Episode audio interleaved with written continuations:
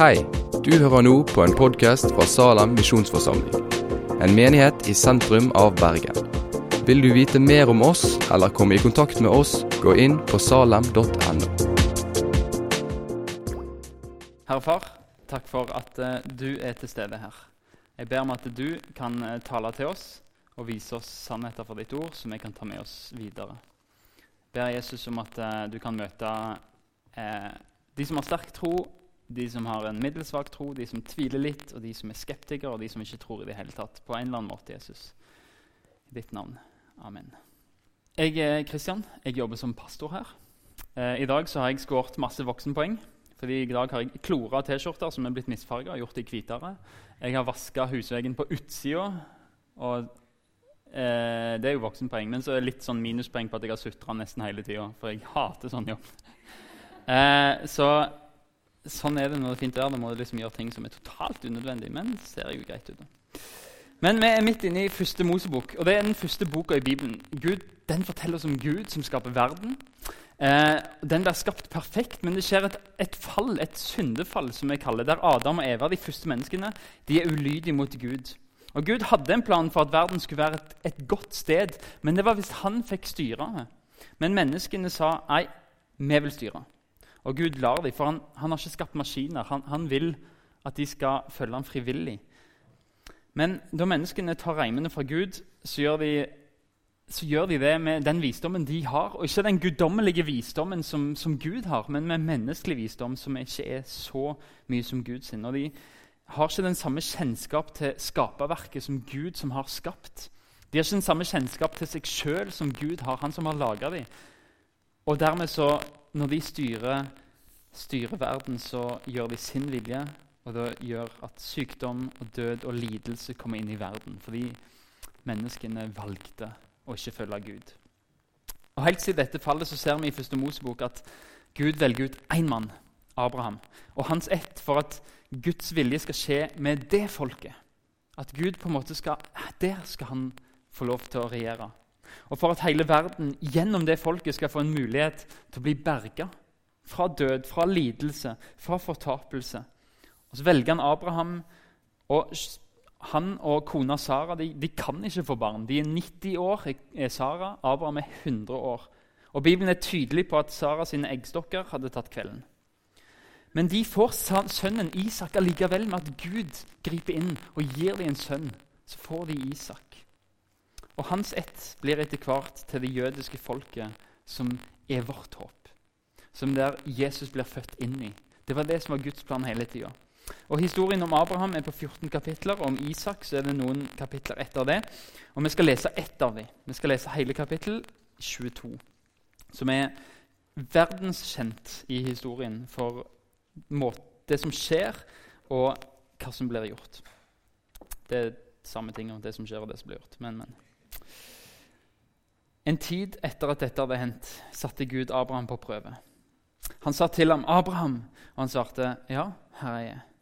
Da sa han, 'Ta din sønn, den eneste, Isak, han du elsker, og dra til landet Moria.' Der skal du ofre ham som et brennoffer på et av fjellene. Jeg skal fortelle deg hvilket. Og Abraham sto tidlig opp neste morgen, lesset på eselet og tok med seg to av tjenesteguttene og Isak sønnen sin. Han kløvde ved til brennofferet, og så ga han seg i vei til det stedet Gud hadde sagt ham. Den tredje dagen så Abraham opp og fikk øye på stedet i det fjerne. Da sa Abraham til tjenesteguttene.: Slå dere ned her med eselet. Jeg og gutten vil gå bort dit og tilbe. Og så kommer vi tilbake til dere. Abraham tok offerveden og la den på Isak, sønnen sin. Selv tok han ilden og kniven i hånden, og så gikk de sammen, de to. Da sa Isak til sin far Abraham.: du, far? Og han svarte, ja, sønnen min. Han sa, se her er ilden og veden, men hvor er brennofferlammet? Og Abraham svarte, Gud vil sjøl se seg ut et brennofferlam, sønnen min. Og så gikk de sammen, de to. Da de kom til det stedet Gud hadde sagt, bygde Abraham et alter der og la veden rette, Så bandt han Isak, sønnen sin, og la ham oppå alteret, oppå veden. Og Abraham rakte ut hånden og tok kniven for å slakte sønnen sin. Men Herrens engel ropte til ham fra himmelen og sa, 'Abraham, Abraham!' Og han svarte, Ja, her er jeg. Han sa, legg ikke hånd på gutten, og gjør ham ikke noe. For nå vet jeg at du frykter Gud, siden du ikke har spart din eneste sønn for meg. Da Abraham så opp, fikk han øye på en vær som hang fast etter hornene i et kratt like bak ham. Abraham gikk bort, tok væren og ofret det som brennoffer i stedet for sønnen sin. Abraham kalte dette stedet 'Herren ser'. Den dag i dag blir det sagt 'på fjellet hvor Herren lar seg se'. Da ropte Herrens engel til Abraham fra himmelen for andre gang og sa, 'Jeg sverger ved meg selv', sier Herren. Fordi du gjorde dette og ikke sparte din egen sønn, vil jeg velsigne deg rikt og gjøre din ett så tallrik som stjernene på himmelen og som sanden på havets strand. Din ett skal innta fiendens porter. Ved din ett skal alle folkeslag på jorden velsigne seg, fordi du hørte på meg. Så gikk Abraham tilbake til tjenestegutten sine. De dro av sted sammen med ham til Bersheba. Og Abraham ble boende i Bersheba. Dette kapitlet er klimakset i fortellingen om Abraham. Vi hører veldig mye om Abraham. Han lever lenge nok til å se Isak vokse opp, til å se Isak gifte seg. Han lever lenge nok til å se at Isak får Esau og Jakob. Han lever lenge nok til å gifte seg en gang til når kona hans dør, og får flere barn og barnebarn på den sida òg. Abraham lever lenge, men etter dette så bare ebber fortellingen om Abraham ut. Det er nesten det siste vi hører om han. Alt i hans liv bygger opp til dette øyeblikket, til denne fortellingen. Og La oss først snakke om én liten ting. Det er veldig stor forskjell på å prøve et menneske og på å friste et menneske. Det må vi lære oss. Gud frister oss ikke, men han kan prøve oss. Hvis du prøver en person, så er du egentlig på jakt etter å finne de gode egenskapene, utfordre de gode egenskapene og la det vokse. La det få litt motstand, sånn at det vokser mer. Men hvis du frister en person, så er målet å få fram, lokke fram de dårlige egenskapene, sånn at de seirer over de gode egenskapene. Den som prøver en person, ønsker å få vedkommende til å lykkes, til å vokse. Men den som frister, ønsker å få en person til å feile. Gud prøver Abraham. Han vil finne fram de gode egenskapene og gi dem motstand og la dem få vokse. Han er utelukkende interessert i å få oss til å vokse på en god måte. Gud frister ingen, skriver broren til Jesus, Jakob. Gud frister ingen. Det er typisk Gud å ta mennesker gjennom en prosess som kan være tung, men som skaper vekst på en god måte. Ikke vær redd for, for motstand. Selv om det gjør vondt der og da, så vil Gud Det er ikke sikkert han har sendt det, men han kan bruke det. Når det er sagt, så er det, som, så er det ting som skjer i våre liv som kan være både en prøvelse, der Gud prøver å få oss til å vokse, og en fristelse, der noen andre får oss til å prøve å falle. Et eksempel fra Davids liv. Gud prøver David, står det, til å telle hæren sin. Og Gud vil egentlig ikke at David skal telle hæren sin. Fordi han vil at han skal stole på Gud og vite at Gud er nok, uansett hvor liten eller stor herr David har. Kong David er det i Israel så, så prøver Gud han, kommer han til å telle herren sin eller ikke. Akkurat den samme historien står i en annen bok i Bibelen. Akkurat samme tidspunkt, akkurat samme kong David. Så står det at djevelen frister David til å telle herren sin. Han prøver å friste han sier at vær litt mer avhengig av herren din i stedet for av Gud.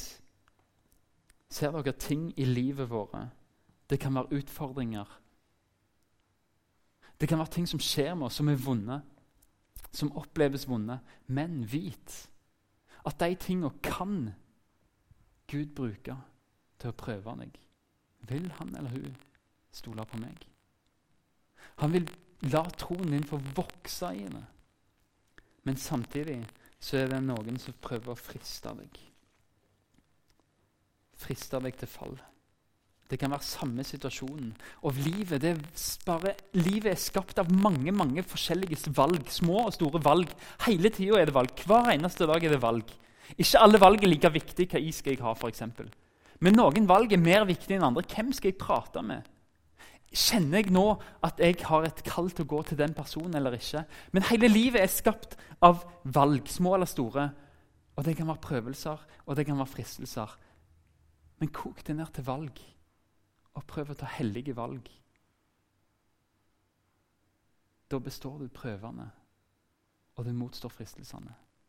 Ta hellige valg. Hvordan gjør vi det? Vi må lese Bibelen og forstå hva er det egentlig som er Guds plan. Jo mer vi leser Bibelen, jo mer forstår vi hva som er hans vilje, og vi kan navigere etter det. Guds ønske er at vi skal velge han i alle de små valgene og se at han er til å stole på. Da vokser vi. Jakob skriver, se det bare som en glede, søsken, når dere møter alle slags prøvelser. For dere vet at når troen blir prøvet, skaper den utholdenhet. Gud prøver Abraham, men det er ikke for å se om denne mannen er god nok til å fortjene frelse. Det er for at Abraham skal lære mer av hvor trufast Gud er. At han skal vokse og bli mer lik Gud. Mer lik Guds karaktertrekk. Gud roper på Abraham. Han svarer ja. Her er jeg. Abraham svarte det. Profeten Samuel svarte det som liten gutt. Profeten Jesaja svarte det til tjeneste. Hva er din ordre? Det er det de sier når de sier 'ja, her er jeg'. Så sier jeg 'jeg er til din disposisjon, Gud'. Historien viser at det er et farlig svar å gi til Gud, men det følges alltid opp med at Gud er trofast. Hvis du sier 'her er jeg', så sier Gud 'her er jeg òg'. La oss gå sammen. Alltid. Ta din sønn, den eneste Isak, han som du elsker å dra til landet Moria. Der skal du ofre ham som et brennoffer. Hva er det Gud vil prøve hos Abraham? Jeg tror Gud vil prøve Abraham på om han baserer livet sitt på alle velsignelsene som Gud har gitt ham eller om han stoler på Gud og bare Gud som har velsignet han. Elsker han gavene, eller elsker han giveren? Og Gud prøver Abraham på tre områder. Han prøver troen, han prøver håpet, og han prøver kjærligheten hans. Hvorfor skal du egentlig prøve noe mer hvis du er Gud? Fordi alt annet, det mister vi når vi dør. Hvis du er her og og ikke er en kristen, hvis du er på besøk, så, så, så, vet jeg at du er enig med meg. Absolutt alt kommer vi til å miste en dag. Men Bibelen sier at noen ting skal stå fast. Tro, håp, kjærlighet. Det eneste som kan hjelpe deg gjennom døden, er Bibelen klar på. Du tror på Gud, du håper på Gud, og du elsker Gud. Tre uttrykk for å være en kristen. Gud prøver troen til Abraham. Hvor sterk er Abrahams tro? Hvor sterk er tilliten til Gud? Vil han gjøre sånn som Gud sier? Stoler Abraham på, på Gud framfor noen ting annet? Så mye at han vil gjøre noe som er helt uhørt, så lenge det er Gud som sier at han skal gjøre det. Hvordan tester vi egentlig troen til et menneske? Du ser hvordan de lever i forhold til det som står her i Bibelen. Tillit til Gud, tro til Gud, viser seg i lydighet. Jakob skriver det. Vis, hvis du vil vise meg troa di, så viser du meg hva du gjør. Og Johannes skriver om det. På dette vet vi at vi kjenner ham, at vi holder hans bud. Den som sier 'jeg kjenner ham', men ikke holder hans bud, er en løgner, og sannheten er ikke i ham. Du tester hvordan er det folk lever? Har de tro?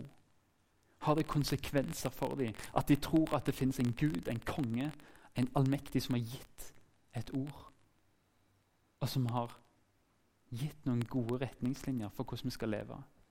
For hvis de ikke tror på det, så vil de ikke ha noen ting med dette å gjøre. Men hvis du tror på en Gud, så tenker du at her er en god bruksanvisning for livet. Og Hvordan besto Abraham den testen? Han responderte umiddelbart. Han sto tidlig opp, står det. Han stilte ikke et eneste spørsmål. Han gjorde det Gud sa. Han lot lydigheten vise seg gjerninger. Han fant et esel, han hogde ved. Han var utholdende i lydigheten. Han måtte gå tre dager. Det var ikke bare sånn at å, det var et innfall, og så gjorde han det. Nei, Han måtte gå tre dager og tenke på det, være lydig selv om han hadde mange innvendinger de tre dagene. Han var helt og fullt lydig. Han ville ofre Isak som et brennoffer. Abrahams tro den var helt overgitt til Gud. Han besto prøven med glans. Jeg vet ikke hvordan det er med din tro. Hvis tro viser seg i lydighet til Gud, så er det vanskelig å skulle sette ord på det for min del. For jeg vet at Jeg vet ikke om jeg vil bestå den prøven. Men la oss ikke sammenligne Abraham med oss, han som fikk en prøve å ofre sin sønn, for det vil Gud aldri prøve deg på. Men hvis Gud bare tok et eneste bud for å prøve om det var lydig, hvordan hadde fasiten sett ut? Du skal elske innflytterne i landet. Ett eksempel. Elsker vi de like høyt som vi elsker oss sjøl? Viser vi det i gjerning at vi elsker dem? Det fins mange andre bud som jeg kan prøve lydigheten på, men, men bare velg et bud, så ser du at Oi, jeg vet ikke om jeg har Abrahams tro. Jeg vet ikke om jeg ville bestått der. Men Abraham sto. Og Gud prøver Abraham sitt håp. Hva er ditt håp, egentlig? Hva er det som står igjen når du en dag kommer til livets ende? Har du et håp da?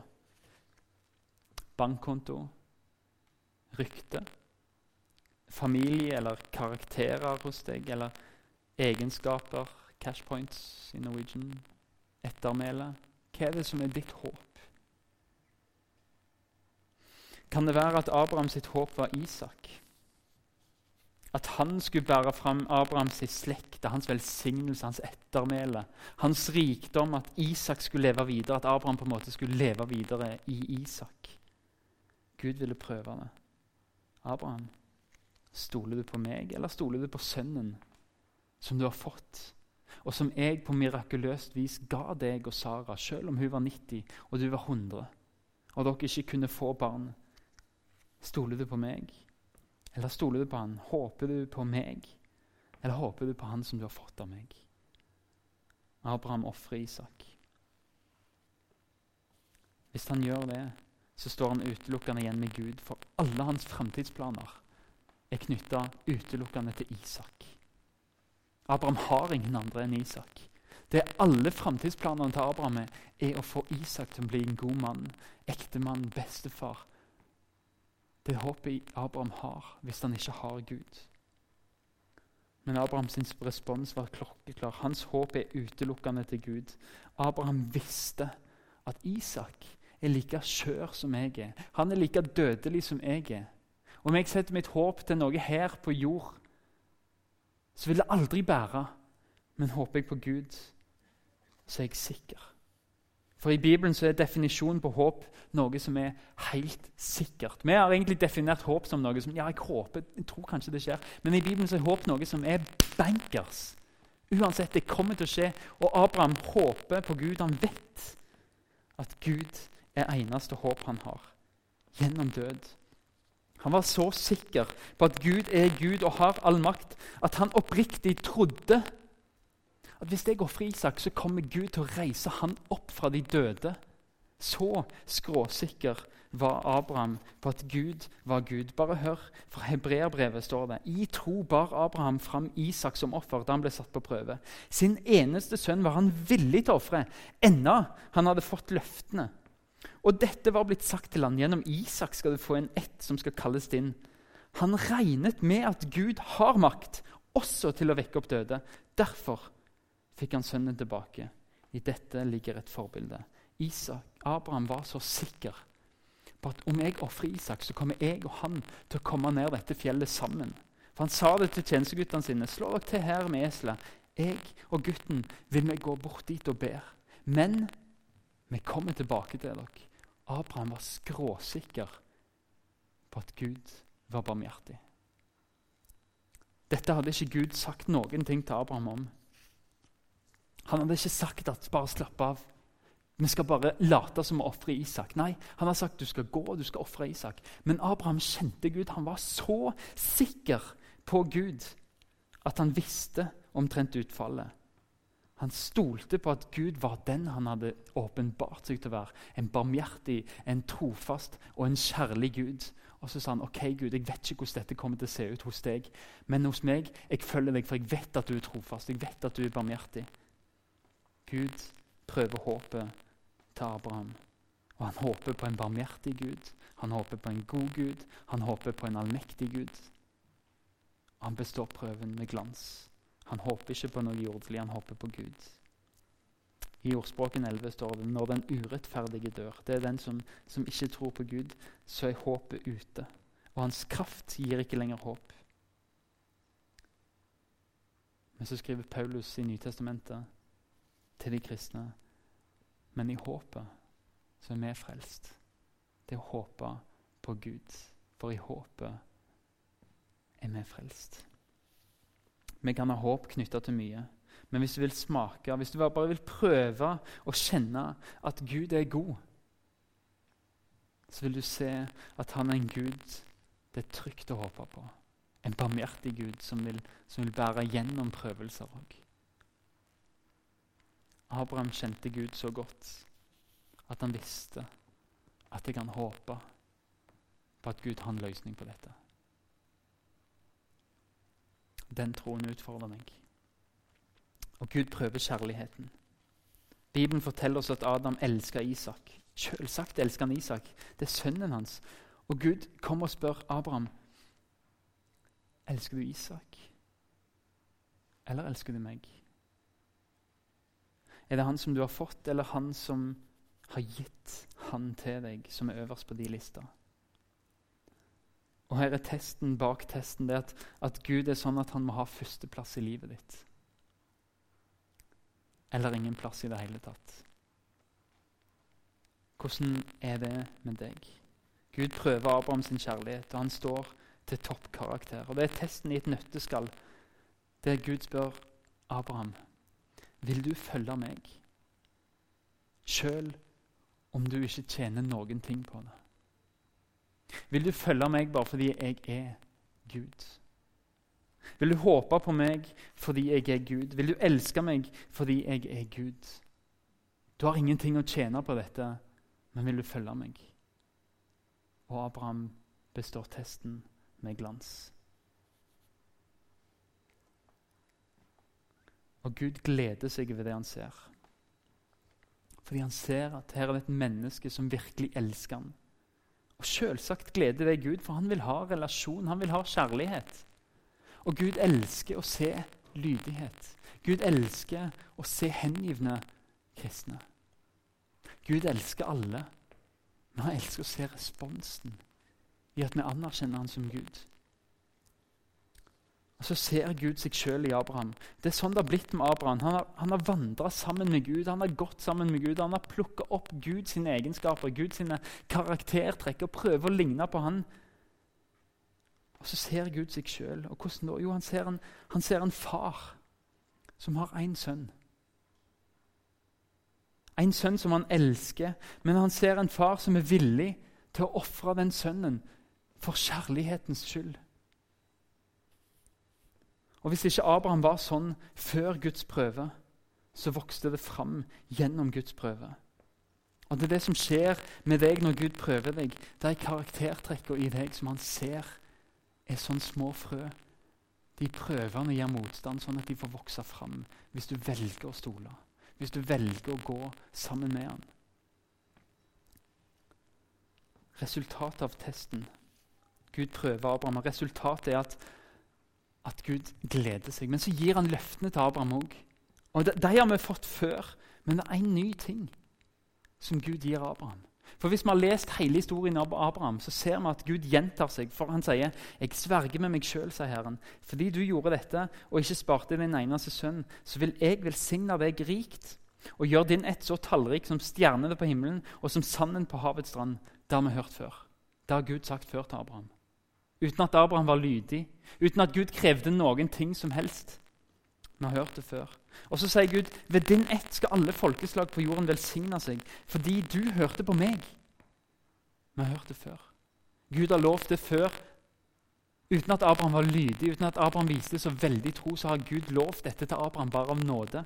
Men Gud sier din ett skal innta fiendens porter. Altså det Gud sier, at du skal vinne mot fiender.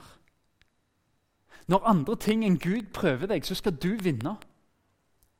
Det er et helt nytt løfte som vi ikke har hørt før i historien om Abraham.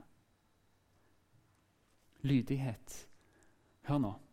Det er ikke noe som skal gjøre oss fortjent til frelsen. Den får vi av nåde. Ennå om vi er ulydige kristne, så kan vi få tilgivelse og vi får nåde. Men Men lydighet kan utvide kjennskapen din til Gud. Når du går på Hans ord, så ser du en Gud som er trofast, og som går sammen med deg. Og så ser Gud lydighet, og hans respons er mer ansvar, mer oppgaver, mer utrustning, mer kraft, mer spenning. Du som syns at kristenlivet ditt er blitt kjedelig og monotont og lite spennende, jeg tipper at du ikke har prøvd lydighet.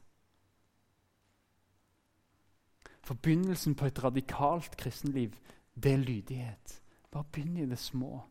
Den som er tro i lite, vil få ansvar for noe mer.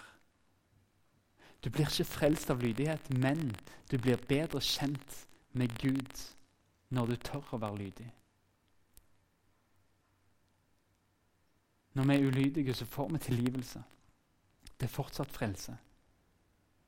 Men spenningen i kristenlivet, voksten i kristenlivet, den ligger i lydighet. Å se mer av Guds trofasthet. Så langt så har Abrahams tro lært oss litt. Men vi skal se på Isaks offer helt til slutt. For han viser oss et speilbilde av en annen i Bibelen. Han viser oss et speilbilde av Jesus. Han viser oss en blyantskisse av det som er Bibelens hovedbudskap. For det er noen slående likheter. Hvis du ikke er kjent med bibelhistorien, så vil du kanskje bli overraska over noen slående likheter, men de som kjenner Bibelen, de vet at de ligger her. Fordi Gud har ett budskap i Bibelen, og det er Jesus som dør på korset for våre synder. Men Bibelen spiller det temaet om og om igjen i bakgrunnen hele tida, sånn at vi vet at det er hovedbudskapet. Men la oss se på noen slående likheter. Isak bærer veden på ryggen oppover fjellet Moria. Fjellet Moria det ble til Jerusalem, og evangelien forteller om Jesus som bærer trekorset opp på Golgata, fjellet der. Isak og faren gikk alene siste del. De andre ble værende et stykke unna, akkurat som Jesus alene lå og kjempa sammen med far i bønn i Getsemanehagen før han ble arrestert. Det var Abraham, faren, som la børa på Isaks rygg. Han la veden opp på ryggen til Isak. Og Sånn er det òg med Jesus. Det var ikke romerne som korsfesta Jesus. Det var ikke jødene. De kunne ikke gjort noen ting mot Jesus hvis ikke far, Gud, hadde godtatt det. Det var fars vilje at Jesus skulle dø på korset. Abraham, far, bar kniven, og han bar ilden, som et tegn på dom i Bibelen. Og det er far, Faderen, det er Gud, som dømmer Jesus til døden for all skylda som Jesus har tatt på seg. Din skyld. Og Jesus gikk villig opp til korset. Han godtok at sånn måtte det være, for han var lydig mot Gud, som ville frelse verden. Det var hans eget offer. Og på samme måte er det faktisk med Isak. Hvis du leser jødiske kommentarer til denne teksten Jødiske rabbiner som har skrevet, de har regna ut og de har sett Det neste som skjer, er at Sara dør. 127 år gammel. Det som skjer før det, er ganske lang tid fra Isak blir født. og Det er noen pakter og det er noen krangler. og Det, noen, det står at det, Abraham bodde lang tid. Og De sier at Isak kan ha vært i 30 år når dette skjer voksen nok til å slå faren sin hvis han skulle binde han. Men han gjorde seg villig. En voksen mann i 30-årsalderen som frykta Gud, og som var lydig mot han på samme måte som faren. Det var ikke bare Abraham som var lydig mot Gud, men Isak. Til og med om det kosta han livet, så stolte han på at Gud hadde en utvei. Isak er et bilde på Jesus, men bildet går ikke hele veien, for det er en stor forskjell Akkurat idet Abraham skal til å stikke Isak med kniven, så sier Gud stopp.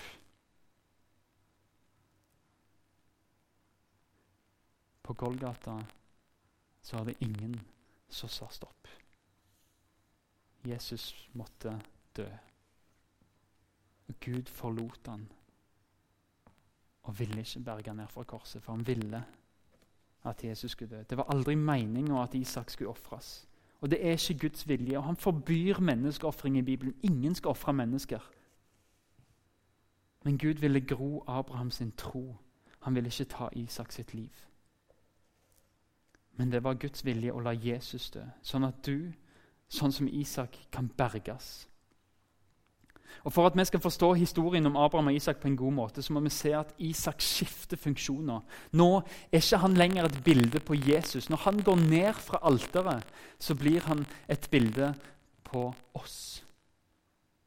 På alteret er han et bilde på Jesus, men idet han går ned derifra, så blir han et bilde på oss. Frelst av et annet offer som Gud sendte. Enhver. Og der er det et tegn. Abraham og Isak det ser at de så opp, og at bak dem så de en vær. De måtte snu seg for å se væren. Det samme ordet brukes om at vi må snu oss for å bli frelst. Omvendelse heter det i Bibelen. Vi må vende oss om.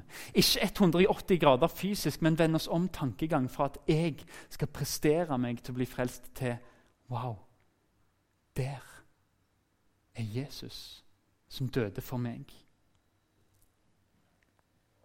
Og videre oppfordrer Bibelen oss til å se. Akkurat samme som, som, som Abraham og Isak. Se, de så en vær. Og Bibelen oppfordrer oss til å se videre på det bildet. Og Johannes sier om Jesus, peker på Jesus og sier, se, Guds lam som bærer bort verdens synd.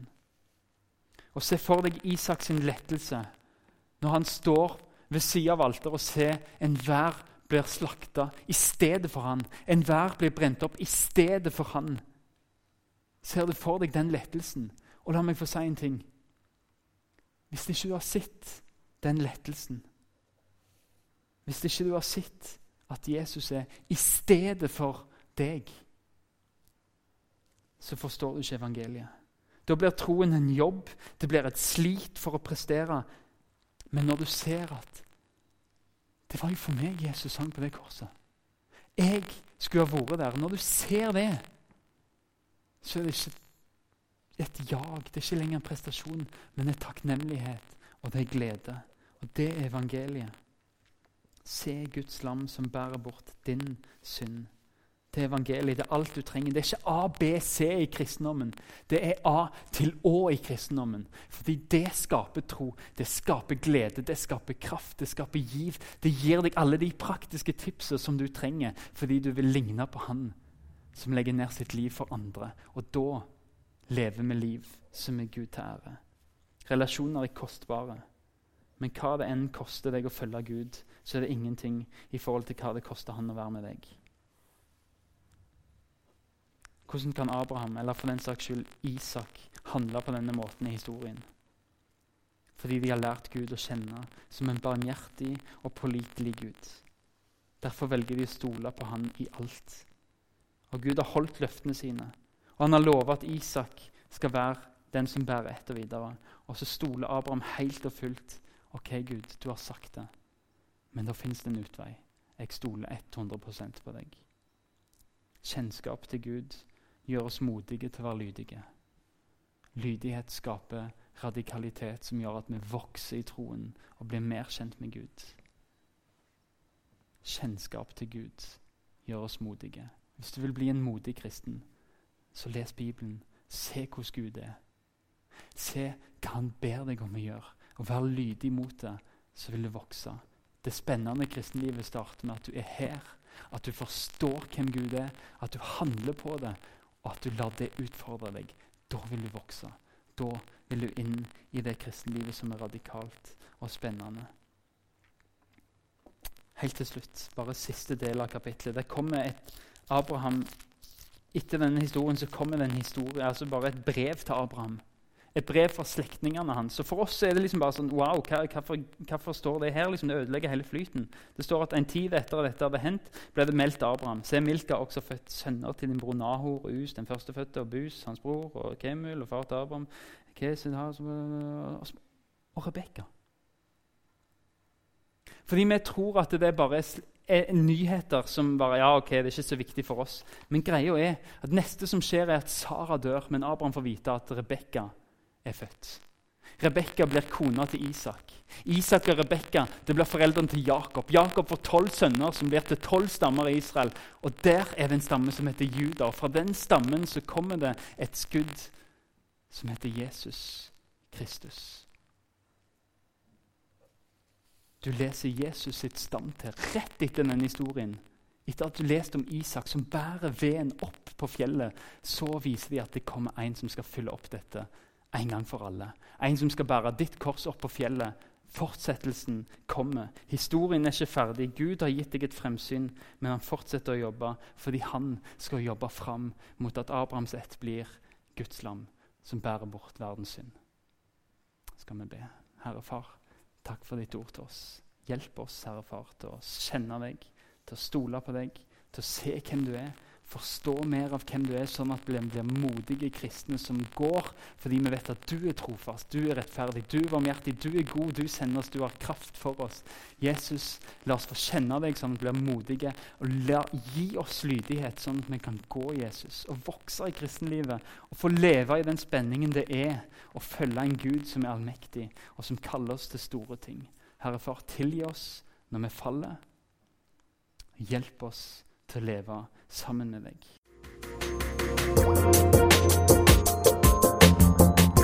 Takk for at du har hørt på podkasten fra Salem, Bergen. I Salem vil vi vokse i et stadig dypere fellesskap med Gud og med hverandre.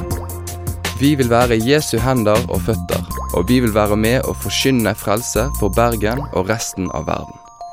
Besøk oss gjerne på salem.no om du vil vite mer.